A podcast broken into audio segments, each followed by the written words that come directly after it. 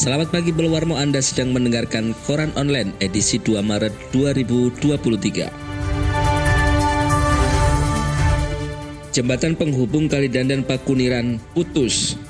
Jembatan penghubung di Desa Kalidan dan Kecamatan Pakuniran Kabupaten Probolinggo putus pada Selasa malam.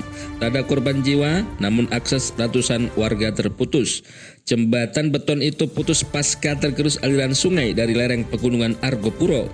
Hujan dengan intensitas sejak sore menjadi penyebabnya.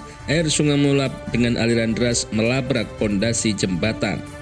Akibat jembatan putus di Pakudiran, ratusan warga dua desa terisolir.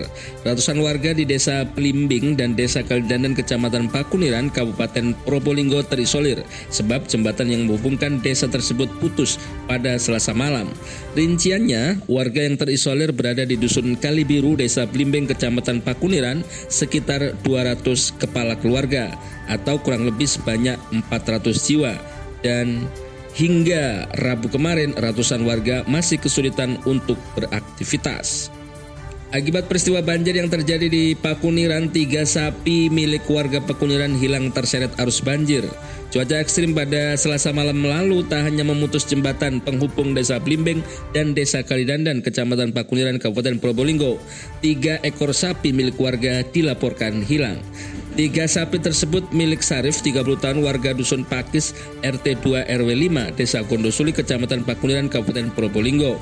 Diketahui raib sekitar hari Rabu tanggal 1 Maret 2023 sekitar pukul 5 waktu Indonesia bagian Barat. Memeriahkan hari jadi kota Pasuruan, pawai mobil hias tampilkan beragam miniatur mulai dari payung Madinah sampai ikon bandeng celak. Rangkaian kemeriahan Hari Jadi Kota Pasuruan ke-337 tahun masih berlangsung.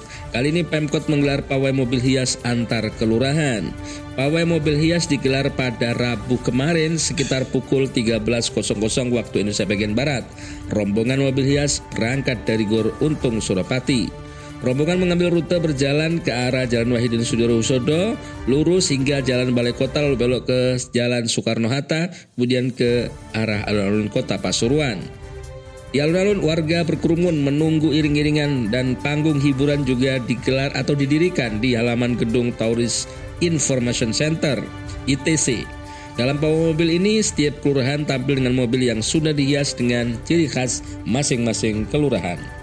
Demikian koran online edisi 2 Maret 2023. Informasi ini dipersembahkan oleh Warmo Floris, Pusat Karangan Bunga Pasuruan.